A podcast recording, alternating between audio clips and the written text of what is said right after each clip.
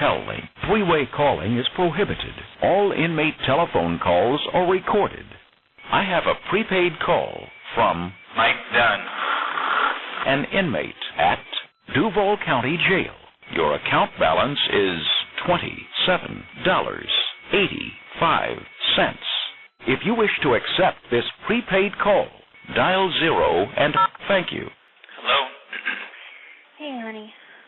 Hope you don't mind I called you back. No, I'm glad you did. So being in a, a room by myself kind of sucks, but I would, I guess it'd be better than being in a room with them animals. Well, uh, you know, they, they probably wouldn't think too highly about what what's going on, and so it is best. But I can only imagine. But your mom said she was sending you a book.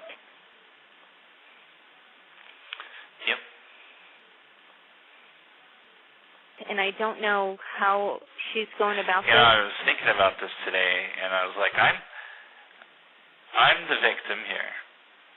I'm the fucking victim here. I was the one that was being preyed upon, and I fought back. Right. You know, and I'm like, so it's my fault because I asked them to turn their radio down. Right. It's like I got attacked, and and I fought back because I didn't want to be a victim, and now I'm in trouble. Yeah. I refuse to be a victim, and now I'm incarcerated.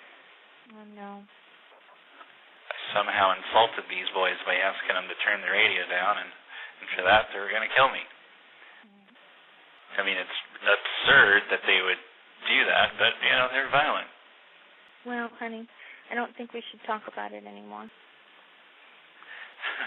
I mean, I I I don't know how how else to put it. Like they attacked me. I, I'm the victim. I'm the victor, but I was the victim too.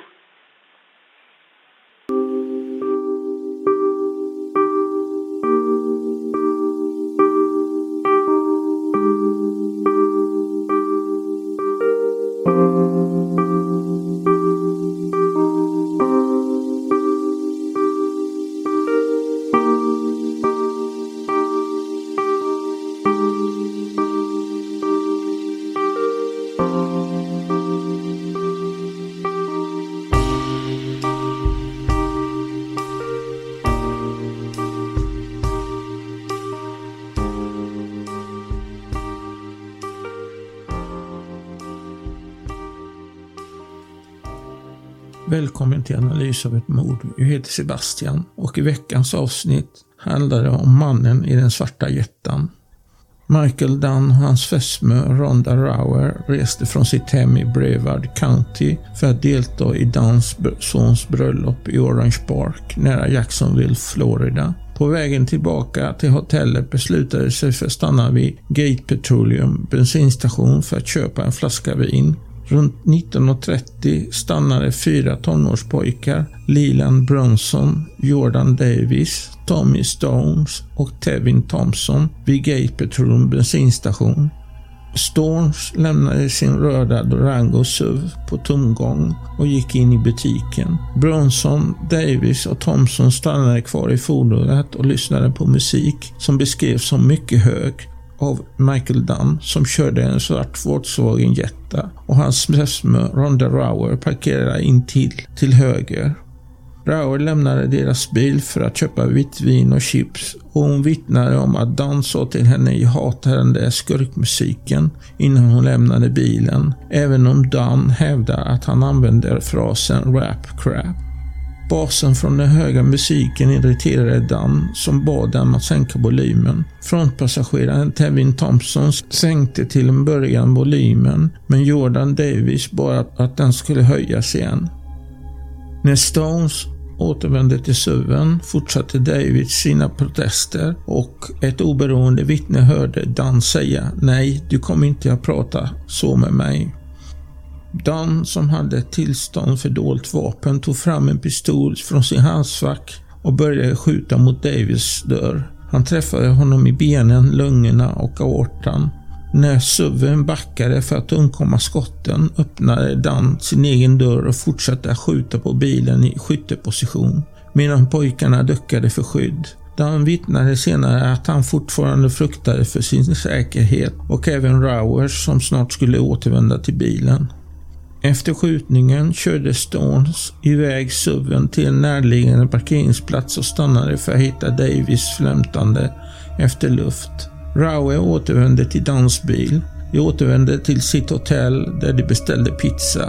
Dan kontaktade inte polisen. Nästa morgon såg Rowe en rapport om skjutningen på nyheterna som indikerade att Jordan Davis hade dött. Dan vittnade att han under hemresan ringde en granne som arbetar inom rättsväsendet för att arrangera ett möte om skjutningen. Men telefonlistan visade att grannen faktiskt ringde honom och Rowie vittnade om att skjutningen aldrig nämndes under samtalet. Dan återvände till sitt hem i Satellite Beach följande dag klockan 10.30 där han arresterades efter att ett ögonvittne rapporterade hans registreringsskylt till polisen. Efter sin arrestering hävdade Dan att Davis hotade honom med ett vapen eller en käpp. Han sa det att det såg ut som en hagelbussa med patina på. Dans fästmö som fungerade som motståndsvittne sa det att ingen sådan sak nämndes för henne vid något tillfälle. Utredare sökte senare igenom tonåringens SUV och hittade inga vapen. Rättsläkaren fastställde att den korta sträckan pojkarna hade rest kunde inget vapen ha gömts undan på ett sätt som inte omedelbart skulle ha varit synlig för brottsplatsutredare. I motsats till Dans påstående att han nämnde ett vapen för Rauer vittnade hon om att han aldrig nämnde ett vapen varken den kvällen eller nästa dag. Kort efter Davis död stämde hans föräldrar Ron Davis och Lucy Macbeth och några av de andra fordonspassagerare civilt mot Dunn. Målen löstes för en hemlig belopp i januari 2014. Dans försäkringsbolag Progressive Select Insurance ifrågasatte sin skyldighet att täcka rättegången men lade ner sin stämning i samband med uppgörelsen. I hans brottsliga rättegång hade Dan förklarats spänningslös. I slutpläderingen i den första rättegången hänvisade Dans försvarsadvokat till språket i Floras lag om rätten att försvara sig, eller stand your ground. Den 15 februari 2014, efter 30 timmars överläggning, fann juryn Dan skyldig i de tre fallen av mordförsök. Juryn kunde inte enas om anklagelsen om mord i första graden och domaren förklarade felprövning eller så kallad mistrial i den prövningen. Den tidigare Florida statsåklagaren Angela Corey meddelade att hennes kontor skulle söka en ny rättegång för den anklagelsen. Dans advokat begärde därefter att straffet för de fyra räkningarna för vilket Dan redan hade dömts för skulle skjutas upp till efter Dans omprövning. Dan stod inför ett minimistraff på 75 år i fängelse för följande räkningar. Ett obligatoriskt minimistraff på 20 år för varje fall av mordförsök i andra graden och upp till 15 år för att skjuta in i ett rörligt fordon. Urval av juryn i Dans omprövning började den 22 september 2014 och öppningsanförande hölls den 25 september. Dan fälldes den 1 oktober 2014 vid slutet av omprövningen. Dan fick ett straff på livstidsfängelse utan möjlighet till villkorlig frigivning plus 90 år. Efter rättegången lämnade Dans advokat in en begäran om överklagande till första distriktsdomstolen för överklagande för delstaten Florida. Den 17 november 2016 avslogs hans överklagande. Den 22 juni 2020 avvisade Floridas högsta domstol Dans överklagande och vägrade att ta upp fallet. Dan hävdade att han hade fått bristfällig juridiskt bistånd. Domarna förklarar inte skälen bakom sitt avslag. Dans tidigare granne Charles Henrik sa att han inte var förvånad över hans beteende. Henrik beskrev Dan som arrogant och kontrollerande och tillade att Dans exfruar hade berättat för honom att Dan hade varit våldsam och misshandlat dem, även om han aldrig personligen bevittnat detta. Henrik talade om en tidigare diskussion där Dan frågade honom om han kände någon som skulle kunna ta hand om någon. Något som förargade honom i ett orelaterat incident. Och Henrik tolkade ytterligare diskussion som att Dan ville sätta ut ett kontrakt på denna person. Rebecca Dunn, Dunns dotter, försvarade sin fars berättelse med sitt uttalande under en intervju. Han kommer att skydda sig om han ser ingen annan utväg än att ta fram sitt vapen. Då är det vad han kommer att göra. Hon beskrev Dunn som en god man. Han är inte rasistisk, han är mycket kärleksfull.